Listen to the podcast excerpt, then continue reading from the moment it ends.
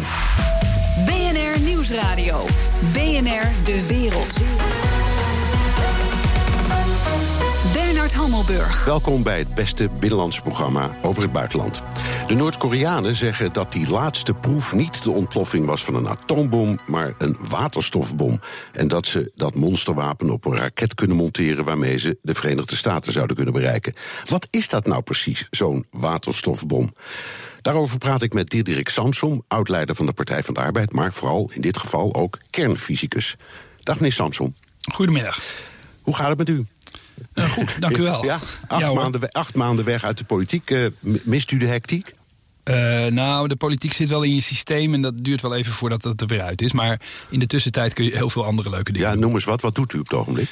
Ja, toen ik het stuur van mezelf losliet, reed ik zo de energiewereld weer in. Eh, dus ja, want werk zat vroeger bij Greenpeace, hè? Dus, Dat eh, klopt. Ja. En ik heb nog een tijdje een eigen groen energiebedrijfje gehad. En daarna werd ik politicus. Eh, en nu ben ik bezig. nu werk ik voor een aantal bedrijven die duurzame energie willen stimuleren. Bijvoorbeeld HVC in Alkmaar, die met geothermie bezig is. Een van de nog te weinig ontgonnen energiebronnen die we heel hard nodig gaan hebben in Nederland om eh, 100% duurzaam te worden. Dus daar help ik hen graag bij. Ja. Eh, na de ramp in Fukushima verscheen u in de media niet als politicus, maar als kernfysicus. En dat was een verrassing voor heel veel mensen, ook voor mijzelf. Ik wist wel dat u het was, maar niet dat u er zo goed over kon praten. En daarom wil ik eh, er met u over praten. Noord-Korea zegt: we hebben een waterstofbom. We weten dat zo'n dat er een enorme aardbeving is gemeten. Is het voor u al duidelijk, of is, maakt het dat duidelijk dat we echt met zo'n bom te maken hebben? Nou, met een heel klein vraagtekentje is het eigenlijk wel duidelijk dat we in ieder geval te maken hebben met meer dan een gewone conventionele atoombom.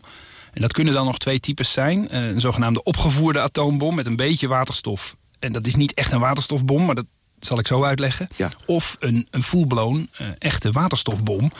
En eerlijk gezegd hoort eh, de, de kracht van de aardbeving, 6,3 op de schaal van Richter, hoort wel bij een bom van een, nou, een paar honderd kiloton. Eh, je drukt de kracht van atoombommen uit in de hoeveelheid TNT die je nodig zou hebben om dezelfde klap te maken. Eh, en dan gaat het dus om een paar honderdduizend ton, Ja. een paar honderd miljoen kilo eh, TNT.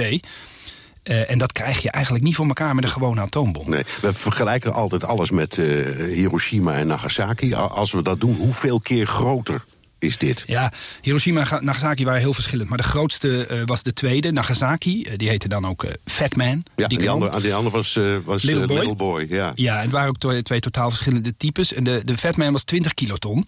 En deze zou dus in ieder geval een orde van grootte groter zijn. Ehm, eh, misschien wel twee orders. Hij is ook groter, ongeveer tien keer groter dan de bom vorig eh, jaar. Want eh, vorig jaar op dezelfde, ongeveer dezelfde dag hebben ze ook een eh, atoomproef gedaan. De Koreanen, toen zeiden ze al dat het een waterstofbom was.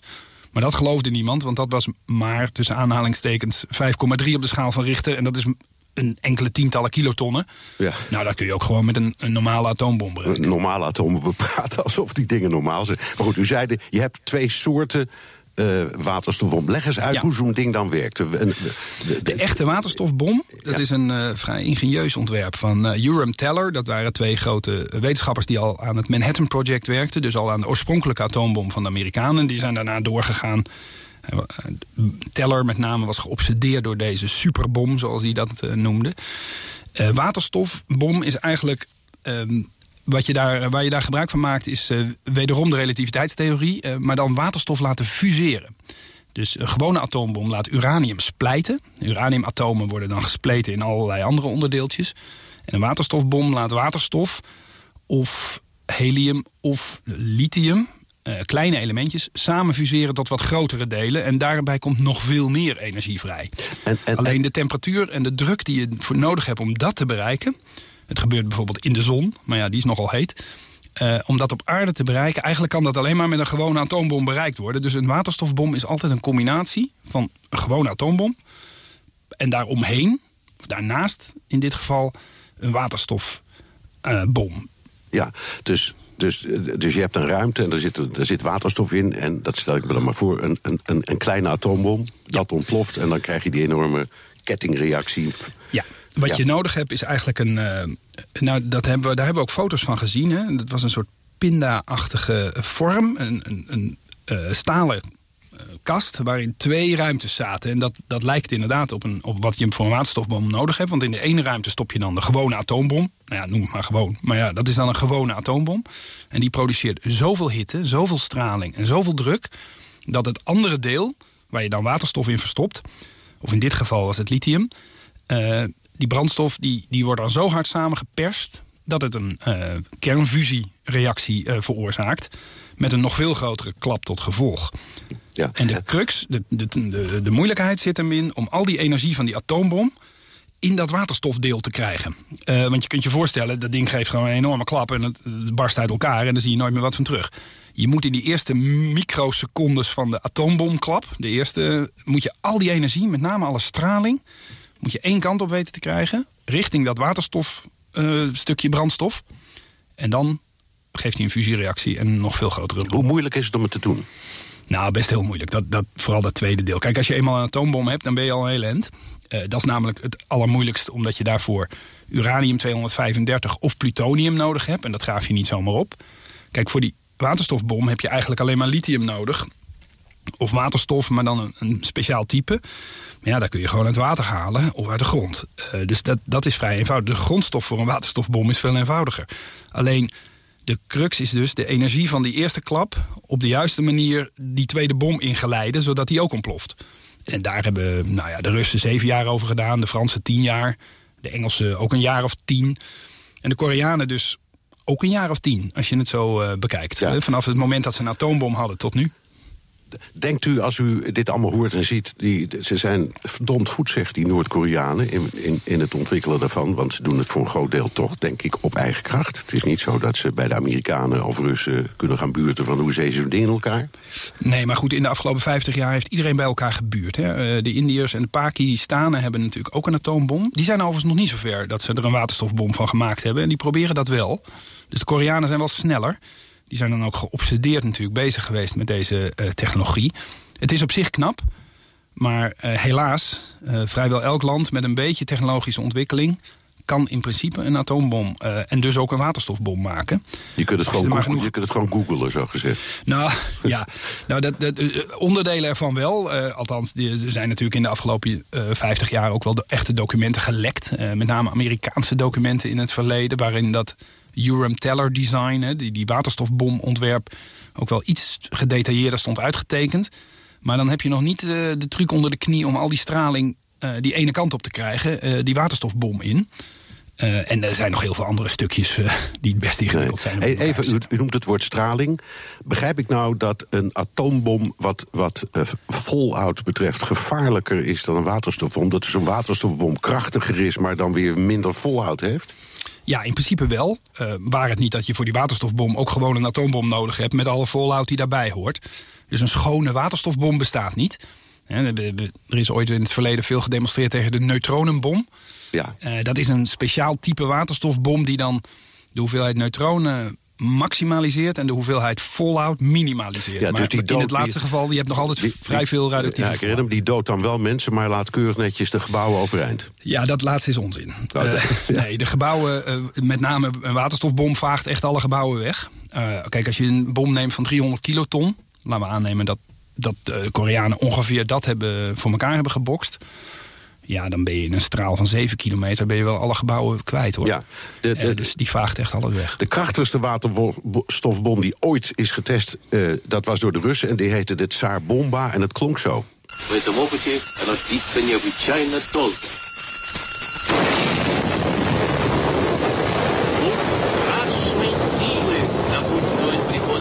Ja, dat, dat, dat was op dat moment de moeder van alle bommen, hè? Ja, die was 10 megaton. Uh, dus dan praten we wel weer een factor 50 meer. Dat hebben de Koreanen echt niet voor elkaar. Dat moet je ook niet proberen in de grond. Nee. Want dan stort echt alles daarboven ja, in. Dus ze doen dit ook in de onder de grond, hè? Ja, dat hoe, is, hoe, kan zoiets? Wat, wat moet je daarvoor doen? Mijnen maken? Ja, schachten. Schachtgraven. Ze, en, en dat is een van de onzekerheden. Ze hebben natuurlijk een aantal oude schachten. Uh, die, die kennen we althans de inlichtingendiensten inmiddels vrij goed. Hè, want er zijn een paar keer is daar een test in gedaan. En dan is die grond daaromheen helemaal poreus. Dus dan kun je makkelijk een nieuwe erin graven. Men denkt nu dat ze voor deze een nieuwe schacht hebben gegraven... die misschien wel wat dieper is. Daarmee is dus ook niet helemaal duidelijk... wat nou 6,3 op de schaal van Richter aan kilotonnen betekent. Want als hij heel diep is, dan zou die dus krachtiger zijn dan we nu denken. Uh, maar ja, je, je graaft inderdaad een hele diepe schacht. En leg je hem onderin. En dan druk je op de knop. Ja. En dan uh, stort daarboven wel alles in hoor. Uh, in principe krijg je dan zo'n krater. Nee, dat is een, ook... eenmalig gebruik.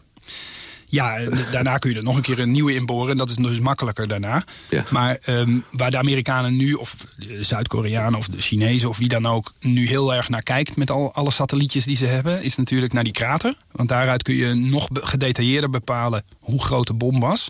En dan hoopt men eigenlijk ook een snufje van de ontsnapte uh, radioactiviteit uh, te, te, pakken te krijgen. Uh, dat is heel goed meetbaar. En als je, dan, als je dat meet, dan kun je aan de samenstelling van die radioactiviteit precies weten wat voor bom het was. Echt tot op de, nou, op de ton of op de kilo TNT nauwkeurig kun je dan bepalen uh, wat de kracht van de explosie was en wat voor type explosie het was. Zo dadelijk. De spanningen tussen de Amerikanen en Noord-Korea blijven oplopen, maar Europa is muisstil. Hebben wij dan niets te vrezen? BNR Nieuwsradio.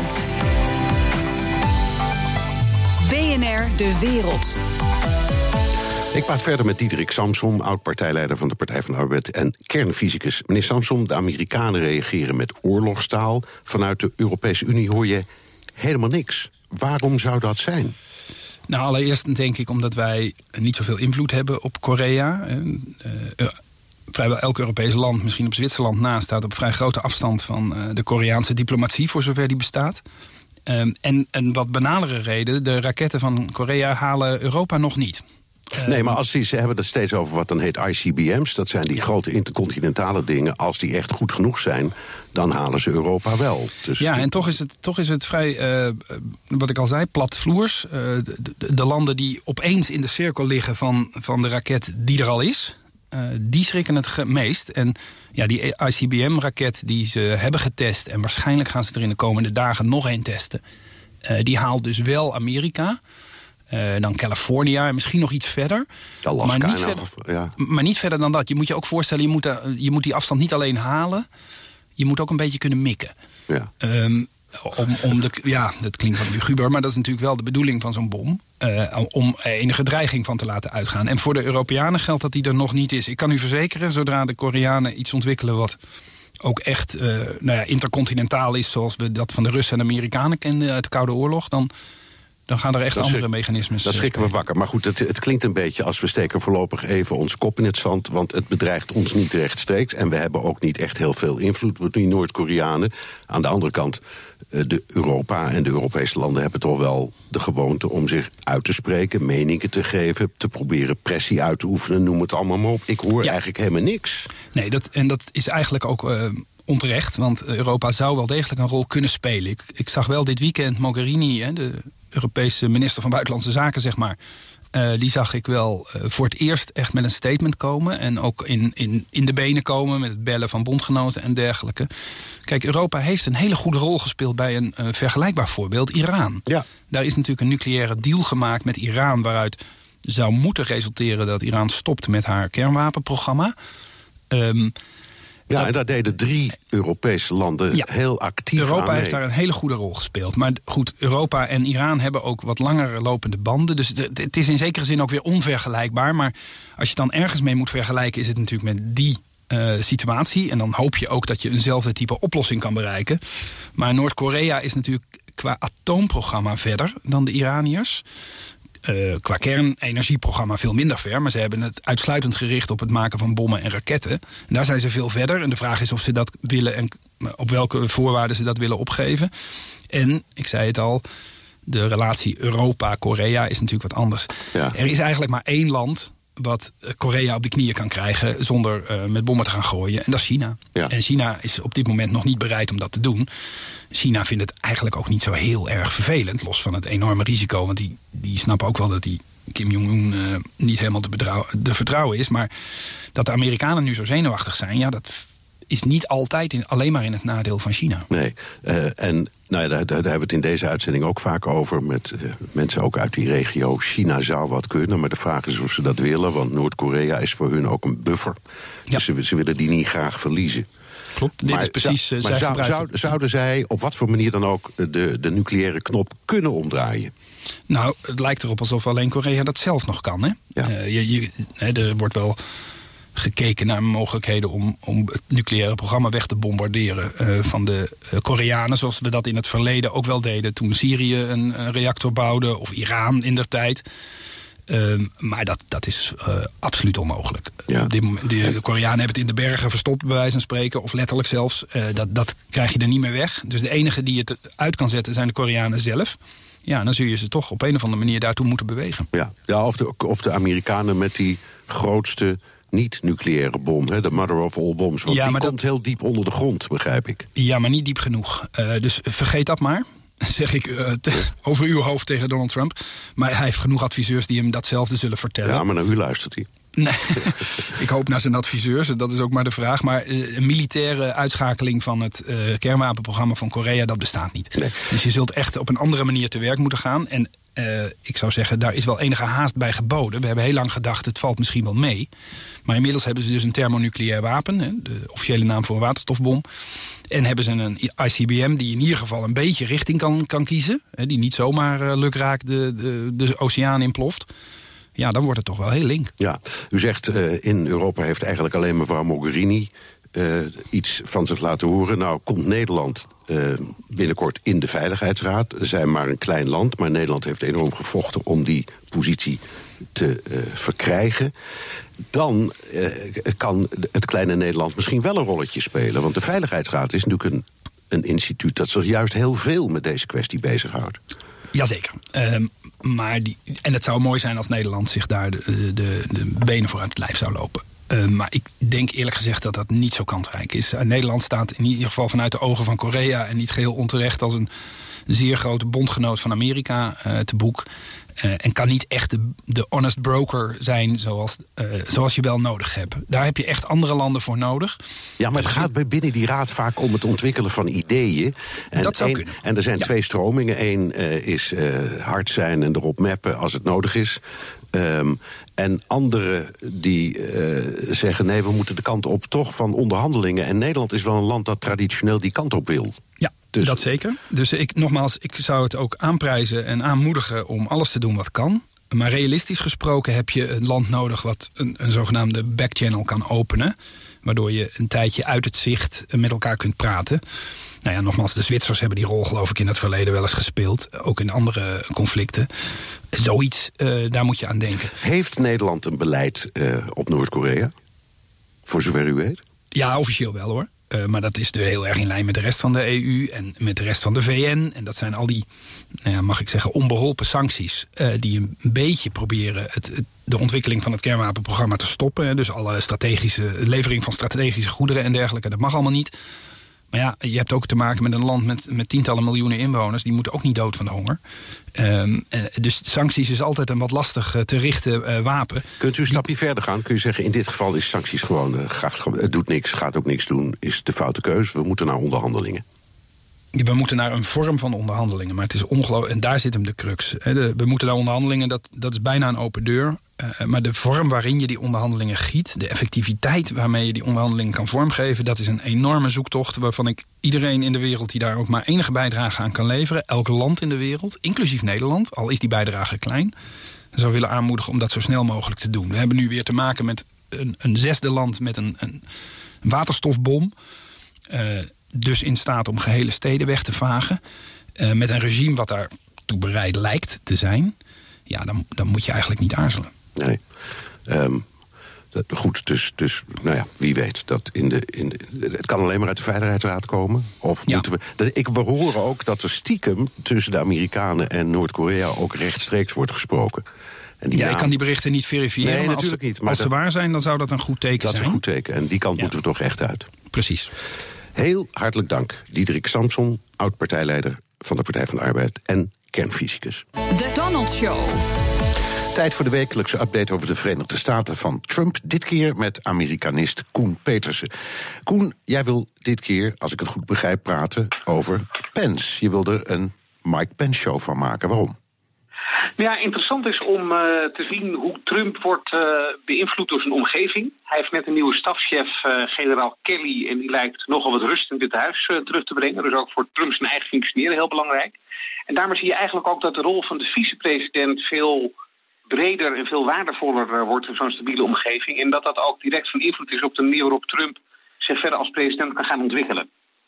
Um, je ziet de afgelopen dagen plotseling een uh, veel mildere toon tussen de Democraten en de Republikeinen in het Huis van Afgevaardigden, maar ook in de Senaat. Dus dingen die, die, die nog maar een paar dagen geleden onbespreekbaar schenen, zoals de begroting en zelfs gezondheidszorg. Daarvan zeggen ze nu zelf: laten we nou eens proberen om daar als dames en heren met elkaar over te praten. Dat vind ik heel opmerkelijk. Zit, zit de vicepresident daarachter?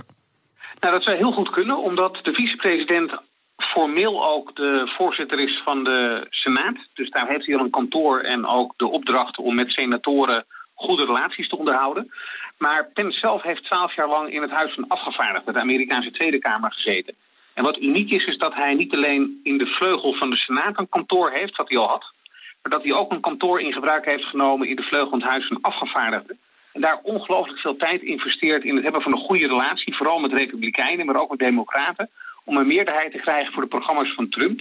En tegelijkertijd ook weer terugkoppelt naar Trump, waar ruimte zit voor compromissen. Zodat Trump toch ook um, niet alleen met gestekt been, maar ook met een uitgestoken hand kan proberen meerderheden te krijgen voor zijn plannen in het congres. En dit zou heel goed daar een vrucht van uh, kunnen zijn. Ja, en het staat ook een beetje haaks op wat uh, McConnell, de, de voorzitter, de, de Republikeinse leider in de Senaat, pas geleden schijnt te hebben gezegd: als we uh, het met Trump niet kunnen, dan moeten we maar als congres, als twee kamers proberen om het zelf allemaal te doen, buiten de president om. Is, is Pence bezig om dat tijd te keren en het Witte Huis en het congres naar elkaar toe te brengen? Ja, wat je ziet is dat Pence behalve in, uh, uh, investeert in het Huis van Afgevaardigden, ook in de Senaat en dan met name ook met Mitch McConnell, die inmiddels ook heeft gezegd dat Pence toch wel een van de meest waardevolle en invloedrijke uh, mensen uit de regering is op uh, Capitol Hill, dus de plek waar het, uh, waar het parlement zit. En tegelijkertijd heeft Pence ook een ongelooflijk goede band met Paul Ryan, de voorzitter van het Huis van Afgevaardigden, ook een republikein die een wat moeizame relatie heeft met Trump. Dus het kan heel goed zijn dat Pence die heel veel tijd daar doorbrengt en als heel sympathiek wordt gezien. toch ook wel kanalen weer weet te activeren die tot voor kort eigenlijk nooit tot resultaat hebben geleid in de samenwerking tussen Trump aan de ene kant en zijn parlementaire partijgenoten aan de andere kant van uh, Pennsylvania Avenue. Ja, tenslotte, je hoort steeds maar geruchten. De New York Times schreef daar ook over dat de, de vicepresident Pence zich misschien opmaakt uh, om een gooi te doen naar het presidentschap. Wat denk je? Ik denk dat dat uh, eigenlijk uh, overtrokken is. Uh, op de eerste plaats heeft Pence een reputatie een keurige man te zijn. Dus het lijkt me out of character als hij opeens toch tegen Trump in zou gaan acteren. En op de tweede plaats is uh, Pence ongelooflijk conservatief. Het is een sympathieke man, maar wel een SVP'er van de zwaarste soort naar Nederlandse maatstaven. En zelfs binnen de Republikeinen heb je ongeveer zo'n stroom van 20% die daarmee kan leven. En met zo'n sterk profiel is het heel lastig voor hem om coast to coast voldoende support te krijgen om zijn nominatie te winnen. Dus ik denk dat die verhalen niet waar zijn. Nee. Oké, okay, dankjewel. Amerikanist Koen Peters. BNR Nieuwsradio. BNR De Wereld. Bernard Hammelburg. Orka orkaan Irma heeft een gigantische ravage aangericht, onder andere op Sint Maarten. Maar de orkaan is nog niet uitgeraasd en is onder andere onderweg naar Florida. Hoe bereiden de mensen zich daar nou voor?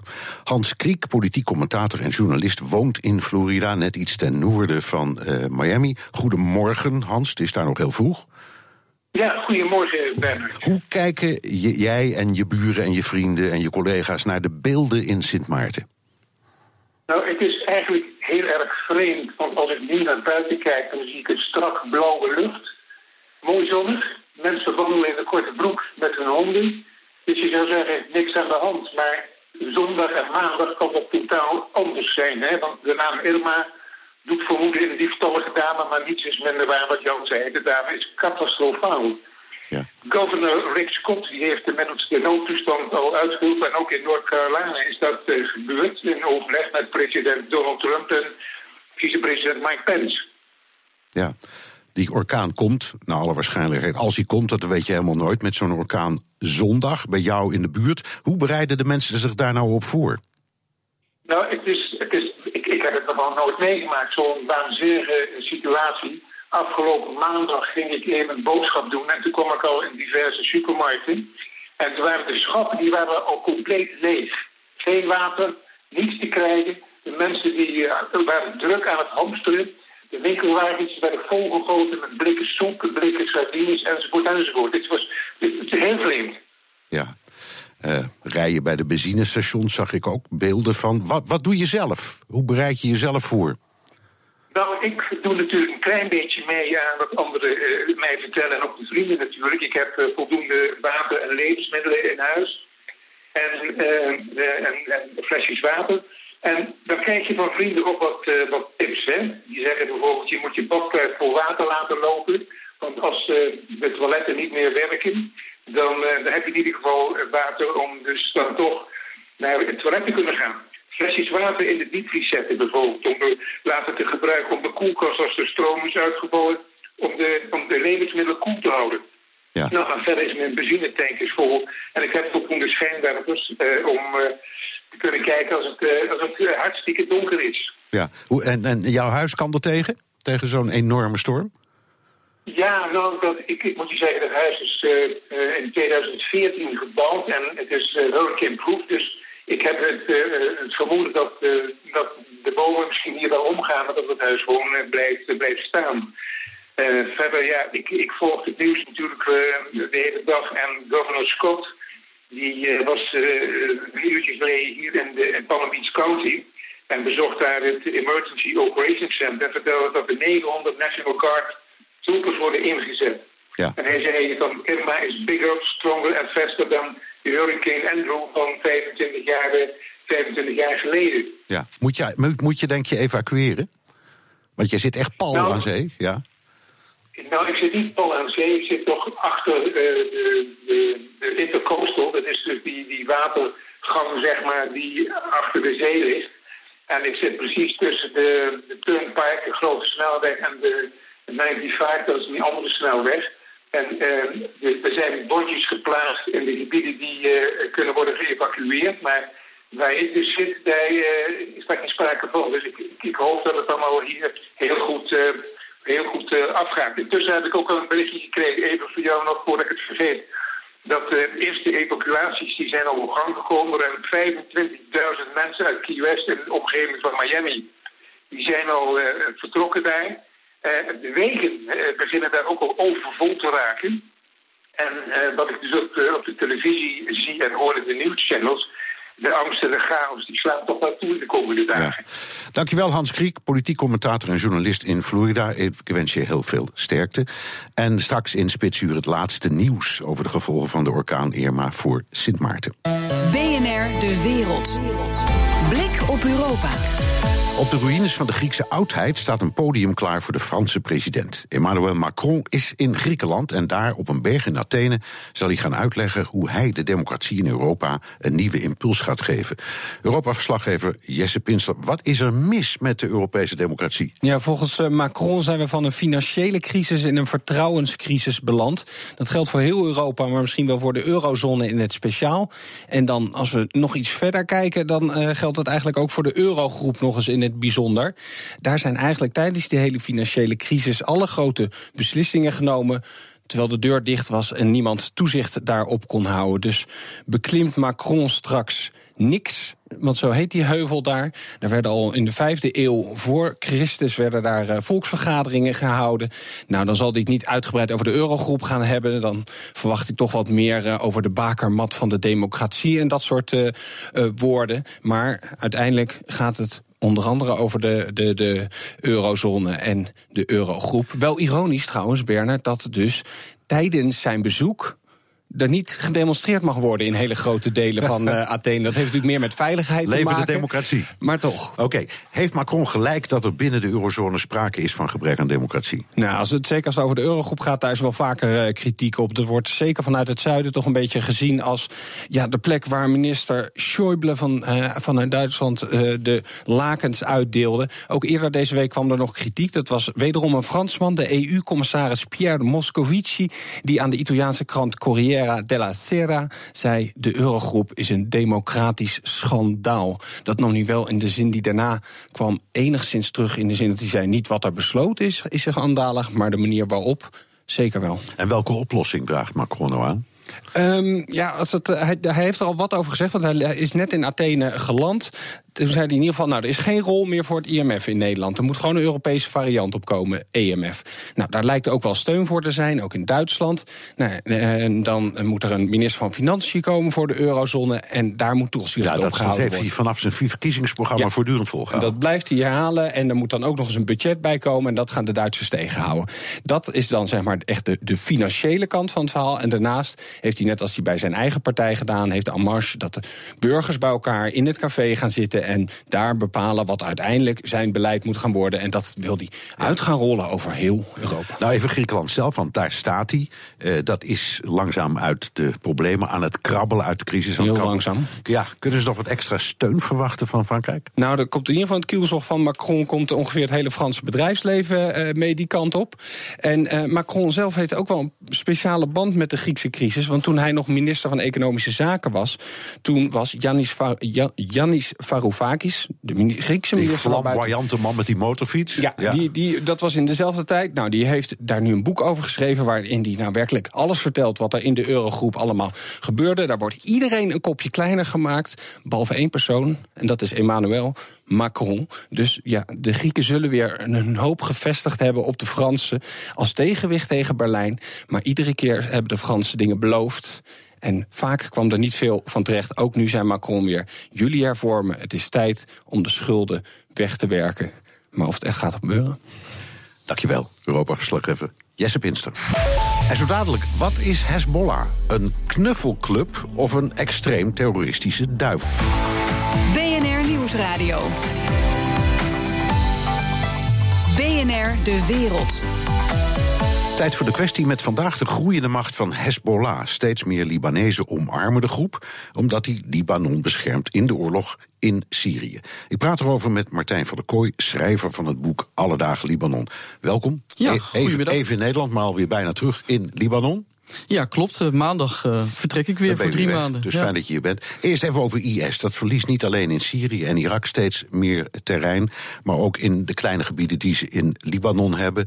Worden ze toch langzaam weggevaagd. Hebben ze nog enige voet aan de grond in Libanon? Ehm, nou, het is eigenlijk heel recent dat ze geen grond meer hebben in, eh, in Libanon. Dus eh, je, je moet je voorstellen, drie jaar lang hadden ze plek aan de grens. Zowel Al-Nusra als IS. Een soort Asterix en Obelix dorpje, noem ik het altijd maar. Hè, wat dan heldhaftig stand houdt terwijl het leger ze omsingelt. Eh, en dat was eigenlijk al een beetje een farce. Ehm, omdat ze niet verder kwamen. En dat was natuurlijk wel de bedoeling om langzaam dat hele land in te trekken. Nou, we gaan het er dadelijk over hebben. De rol van Hezbollah is daar heel groot in geweest. Uh, en op dit moment zijn ze dus geëvacueerd. Die mensen zijn uh, vertrokken richting uh, Syrië. Het is een deal geweest. En je kan eigenlijk alleen nog zeggen in cellen, in Palestijnse vluchtelingenkampen, in hele conservatieve gebieden, zijn er waarschijnlijk nog IS-cellen, maar geen aanwezigheid van, van IS. Je zei, we gaan het er straks over hebben, laten we het meteen maar doen. De rol van Hezbollah in, in het, zeg maar het verwijderen van IS. Um, en daar is nogal wat commotie over geweest, want Hezbollah werkte sa plotseling samen met de, de, de, de Libanese krijgsmacht. Mm -hmm. um, dat werd vervolgens dan weer ontkend. Werken ze nou wel of niet samen? Nou, kijk, als je, als je ziet wat er gebeurd is. Dan is het dus heel onwaarschijnlijk dat er geen communicatie is geweest. Want wat uh, Hezbollah heeft uh, IS en al-Nusra eigenlijk vanaf de Syrische grens aangevallen. Want het was op het grensgebied tussen Syrië en Libanon. En het leger heeft eerst omsingeld, maar dat is al jaren, zoals ik net zei. En daarna gebombardeerd, de stellingen ja, niet echt aangevallen, maar wel het leven onmogelijk gemaakt. Zodat ze zich eigenlijk moesten overgeven. En ja, dat was allemaal synchroon, zeg maar. Hè, die hele aanval. En jij, jij zegt dan moeten Hezbollah en de Libanese regering ja, gewoon het is hebben het is ook niet zo. Het is, kijk, ik heb daar geen bewijs voor, maar het is niet heel gek, omdat uh, de president van Libanon, de christen uh, Michel Aoun, is een bondgenoot van Hezbollah. En Hezbollah zit, dat vergeten we wel eens, zit in de regering Ja. van Libanon. Dus uh, zo vreemd is het niet om. Nee, la- la- laten we dat dan meteen even oppakken. Ehm, je hebt die rare grondwet, daar hebben jij en ik het wel eens eerder over gehad, uit de jaren, het eind van de Ja. jaren 30 van de vorige eeuw, die precies vertelt eh, welke posities worden ingenomen door christenen, door soenieten, door shiiten. En mijn indruk is altijd geweest dat zodra daar een grote groep, ik zal maar zeggen, allochtonen of anderen bijkomen, dan raakt die fragiele samenleving in de knoei. Correct. Geldt dat nou voor Hezbollah? Want het is een gigantische Sjiïtische groep met buitenlandse wortels. Ja, nou wat je dus ziet is uh, dat in Libanon zelf die populariteit van Hezbollah toeneemt door wat er net, waar we het net over hadden. De bescherming van Libanon was in handen van Hezbollah. In de ogen van veel Libanezen, veel mensen die ik daar ontmoet, vrienden, kennissen, mensen op straat, die zeggen: Nou, dat heeft Hezbollah heel goed gedaan. En dat zijn niet per definitie Hezbollah-fans. Maar wat je dus ziet, volgend jaar zijn er verkiezingen in Libanon. En uh, die verkiezingen die zijn voor het eerst dat je dus uh, niet uh, alle zetels geallokeerd hebt per uh, groep. Hè, Volgens dus die oude. Shiiten Ja, ja. en Soenieten. Maar dat je dus een beetje meer zetels kan winnen. En daar is natuurlijk wel het idee dat Hezbollah hiervan enorm zou kunnen profiteren. Dus het maximale aantal zetels Ja, zou nou kunnen behalen. Hezbollah even voor mijn eigen, om het even makkelijk te houden, Ja. eigenlijk drie dingen. Het is een politieke partij in eh, Libanon. Het is een eh, door Amerika en de Europese Unie als terroristen beschouwde eh, militaire groep. Het is ook het leger van Assad, zou je kunnen zeggen, voor een, Een, deel. een van de stoottroepen, ja. dus dus klopt, wat, ja. is, wat is het nou? Ja, ja, ja, en een sociale organisatie met ziekenhuizen en scholen. Ja. Ehm, ja, het is een hele complexe organisatie. En ik denk dat wij in het Westen, door te zeggen het is een terroristische organisatie, door dat alleen uh, te benadrukken, dat we ze eigenlijk ook uh, tekort doen en ook onszelf tekort doen. Want wat we daarmee eigenlijk ook zeggen, is dat alle ambassadeurs, alle mensen die uh, in Libanon zitten, geen contact mogen hebben met deze organisatie, die zo belangrijk is op dit moment voor Libanon. Dat kunnen we niet leuk vinden. We kunnen ook zeggen van we willen dat Hezbollah zijn toon richting Israël matigt. Mijn mening is dat je dan, waar we het net ook met Korea uh, over ging in de uitzending, dat je een backchannel moet hebben. Je moet kunnen praten met die club. En die club uh, wordt niet gematigder als je ze isoleert. Je ziet ook dat ze trouwens met Noord-Korea uh, samenwerking zoeken, actief. Nou, ze en dat is, volgens mij ja, kopen ze wapens in nou, Noord-Korea. Er is wapenhandel. Er Ja. is wapenhandel. En uh, dat heeft mede ook te maken dat als je groepen isoleert, gaan ze elkaar opzoeken. Oké, maar ze hebben ho- 100.000 raketten gericht staan op Israël. Israël is nu net begonnen. Of Ja, deze begint week, nu, ja. met, ik geloof, de grootste militaire oefening ooit. Helemaal gericht op een mogelijk volgende oorlog met Hezbollah. Ik, en dat is ook een van de belangrijke aanleidingen voor Trump, maar ook voor de EU om te zeggen: ja, dat zijn gewoon terroristen. Die willen met eh, terroristische middelen Mhm. een, een eh, onafhankelijk land van de kaart vegen. Nou, wat Dan wij dan wel eens daar- vergeten, ja. Bernard, is dat eh Hasran Nasrallah, dat is de leider van Hezbollah, die heeft vorige week nog gezegd: wij vinden dat Libanon stukjes van Israël, dat zijn kleine stukjes, maar toch moet terugveroveren. Dat beschouwen ze als Libanees land wat Israël heeft gestolen. Maar hij zei daarbij, en dat wordt heel vaak weggelaten, dat moeten wij niet doen, dat moet het Libanese leger doen en de staat. En dat is zeer onwaarschijnlijk, omdat het Libanese leger heel goed weet dat zodra ze eh, Israël aanvallen, ze van de kaart worden geveegd. Het Libanese leger is op geen enkele manier een partij voor Israël. En, En ja. overigens Hezbollah ook niet, want er is geen eh, luchtmacht. En dat heeft Israël wel. Dus ik, ik snap de zorgen aan de kant van, van Israël en het Westen vanwege die raketten. Maar als we naar 2006 teruggaan, dan zie je dat Israël glansrijk dat conflict heeft gewonnen. En dat Hezbollah... Zijn... Nou, dat zegt Hezbollah niet. En, uh, dat, dat, zegt Hezbollah niet. Hezbollah zegt, we hebben glansrijk ja. gewonnen. Ja. En in diezelfde toespraak, of uh -huh. verklaring waar jij het over hebt... zeggen ze ook, en als we eventjes doorzetten... vegen we dat hele Israël van de kaart. Ja, maar dat is dus bluff omdat uh, als je ziet van uh, Hezbollah heeft heel veel strijdende uh, troepen op de grond. En dat is in, in Syrië zeer bruikbaar om uh, terroristen en terroristische groepen aan te vallen die ook geen luchtmacht hebben. In Syrië hadden ze steun van de Russische luchtmacht. Dus dat maakt het allemaal. En de Syrische luchtmacht niet te vergeten. Als het gaat om een conflict tussen Libanon en Israël, dan is de staat en het leger daar niet toe bereid. Op dit moment hoor je geen signalen over. En Hezbollah kan inderdaad raketten afschieten, zoals in 2006. Maar dan krijgen ze het genadeloos op hun dak. En dan verliezen ze ook opnieuw die populariteit die ze nu hebben uh, gewonnen. Want uh, de Libanezen waren echt woedend in 2006, heel veel Libanezen, dat het land uh, werd vernietigd door toedoen van Hezbollah. Van Hezbollah, maar je zegt ze worden nu populairder. En even terugkomend op wat je net zei, backchannel. Bestaat er bij jou weten zo'n backchannel met Hezbollah. Bijvoorbeeld ja. door de Israëliërs of de Amerikanen of misschien via de Zwitsers. Het doet er even niks toe, ja. maar bestaat het? Nou, wat in ieder geval bestaat is via de VN. Dus Sigrid Kaag, uh, de gazant voor Libanon uh, van de VN, die praat met Hezbollah. En uh, dat is dus in zekere zin een backchannel, omdat zij wel mag praten met al die ambassadeurs, of daar praat ze gewoon mee, dat is haar taak. Dus zij praat met iedereen. Uh, ik weet niet van de backchannel met, uh, met Israël. Daar zijn geen openbare berichten van. Het zou wel goed zijn, denk ik. Ja, maar ja. dat is wat anders. Ja. maar goed, Israël zegt. Ze, ze laten in uh, ze laten voortdurend zien dat ze echt doen wat ze willen doen. En wij lopen dus gevaar. Ja.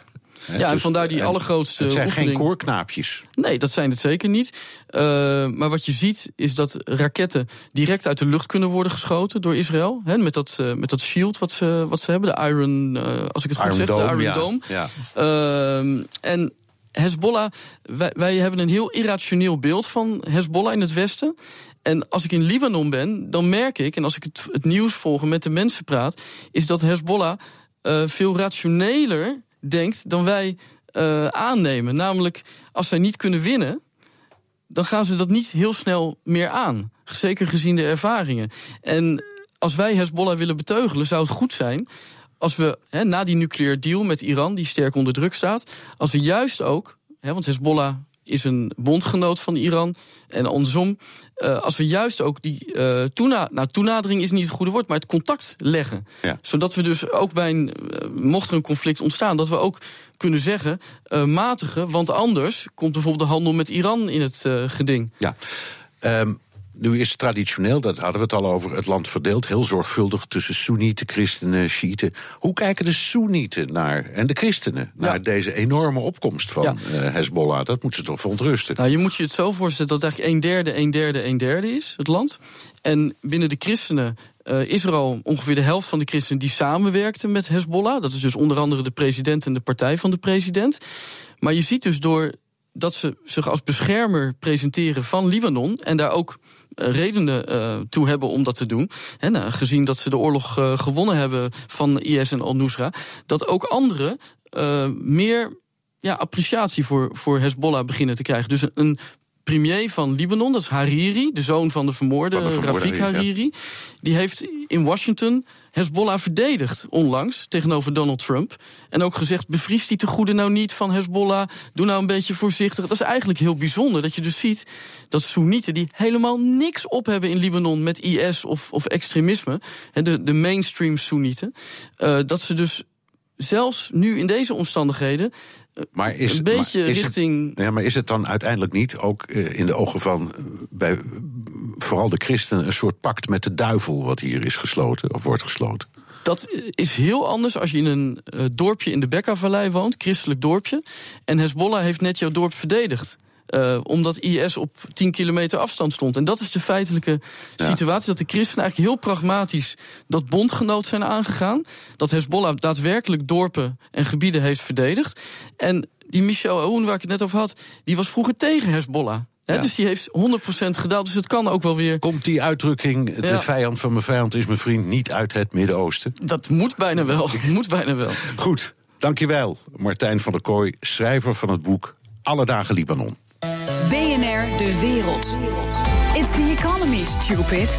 Waar het uiteindelijk in de politiek en in de wereld om draait, is geld. Paula Seur, economiecommentator, waarop houd jij vandaag jouw financiële oog? Nou, afgezien van eh, Mario Draghi en de vraag eh, wanneer eindelijk een begin gemaakt wordt met, eh, met het daadwerkelijk afbouwen van al die stimuleringsmaatregelen, heb ik naar wat heel anders gekeken. En dat is naar Noorwegen.